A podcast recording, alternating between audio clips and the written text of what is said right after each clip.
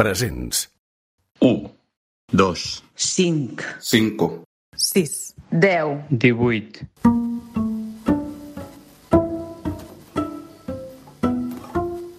30, 46, 46, 58, 82, És difícil dimensionar tot el que hem perdut els últims mesos. El comptador va començar a principis de març. 155, 207, 234, i no parava. El balanç diari de morts va tornar-se estranyament quotidià i anava creixent dia a dia. 336, 349, 414, En quatre mesos, més de 12.000 persones han mort per coronavirus a Catalunya. 305, És una xifra que costa de processar. Seria com omplir sis cops el Palau de la Música o el Liceu, o com arribar a completar dia a dia gairebé tres quartes parts del Palau Sant Jordi.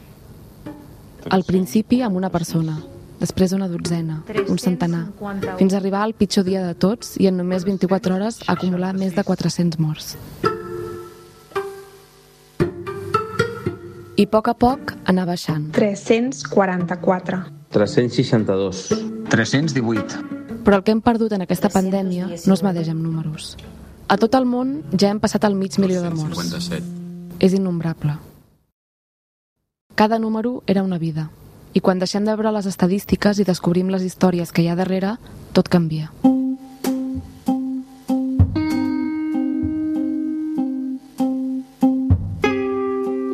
Les xifres diuen que la majoria dels qui ens han deixat eren persones grans, supervivents de generacions que van desapareixent. Però hi ha moltes coses que no diuen les xifres, com que aquestes persones van sobreviure a una guerra. Recordo que em vaig aixecar i li dic, mama, que tinc que anar a l'església. Diu, "Xx, calla, no, no parlis, no parlis l'església que està cremant-la.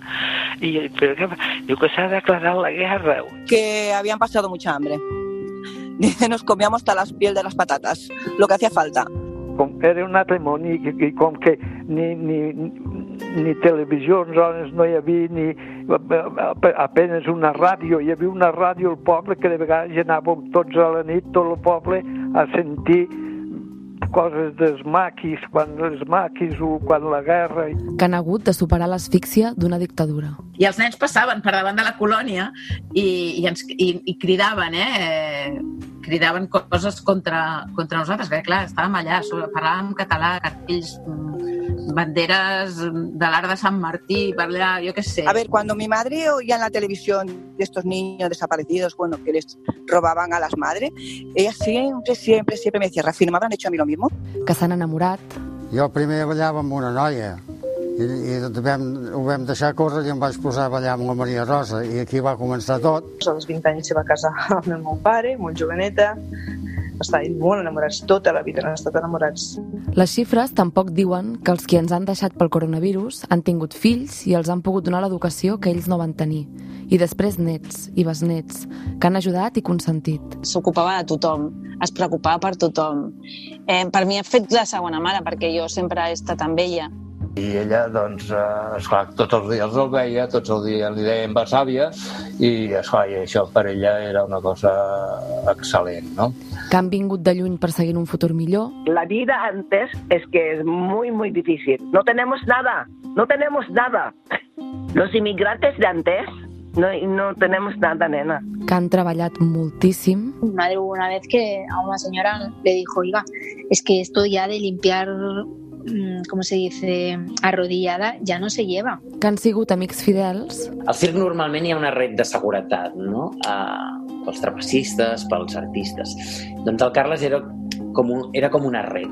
És aquella que sempre està allà encara que no la veus, però quan la necessites et salva la vida. que han fracassat però han sapigut aixecar-se, i va muntar una fabriqueta que no li va anar massa bé eh, i després en va muntar una altra eh, i tampoc li va anar massa bé alguns també han mort abans d'hora, quan tot just haurien de començar a gaudir de la jubilació. Tot va començar quan estava ja movent tot perquè es volia jubilar ja, ja volia parar de, de treballar i, i m'ho deia, Neus, és que ja, jo ja paro. Jo li deia, molt bé. Es una pena que él ya no haya disfrutado su pensión como jubilada. Acababa de cumplir 65 años. I pràcticament tots han marxat sols, sense que se'ls pogués acomiadar. És important poder dir adeu i honrar els que han perdut, Per això, aquest estiu, al matí de Catalunya Ràdio, volem fer un homenatge a les persones que ens han deixat a causa del coronavirus.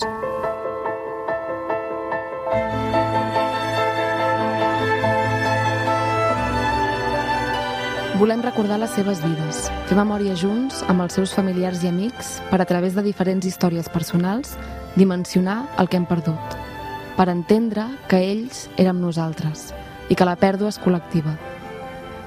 Ara l'únic que ens queda és no oblidar-los, tenir-los presents. I així es diu aquest mini podcast, presents, perquè ningú mor del tot si hi ha algú que el recorda. I a presents recordarem junts a persones singulars, sorprenents i a vegades també extraordinàriament normals. Explicarem històries de vida, però en alguns moments també parlarem de la mort. No volem ni podem fugir-ne, perquè al final el fil conductor que uneix totes aquestes històries és lamentablement el seu final. M'hagués agradat molt poder fer un retrat de tots els que no hi són, però era humanament impossible. Logísticament tampoc ha estat fàcil fer aquest mini podcast. Bona part del temps estàvem tots confinats. I de fet, veureu que el so a vegades no és el millor, perquè he hagut de fer les entrevistes des de casa, per videotrucada o per telèfon. A veure, està connectando con el audio. Ara, ara. No. Ara, ara. ara. Digue'm, guapa. Hola, Carme. Digue'm, guapa. Què tal? digue'm. Ara, ara sí que em sembla que ja ho hem arreglat, això, eh? Ja funciona. Suposo que totes aquestes limitacions són també un reflex d'aquests temps estranys. Així que després de donar-hi moltes voltes, he seleccionat 10 històries molt diferents que crec que expliquen part del nostre passat i del nostre present, i també els moments més significatius de la pandèmia a casa nostra. Són històries que en alguns moments poden semblar ordinàries, però que si les observem bé, amb atenció, són un mirall que reflexa una mica com som. I abans de començar, m'agradaria dir-vos una cosa. La missió que he tingut amb aquest projecte era delicada, i jo l'he viscuda amb molta responsabilitat. Ha estat un viatge dur i emocionant, que espero que estigui a l'alçada de la confiança que se m'ha donat. Compartir històries tan íntimes i personals és com entregar-te un tresor. I tenir l'enteresa per fer-ho en aquests moments tan durs era molt difícil.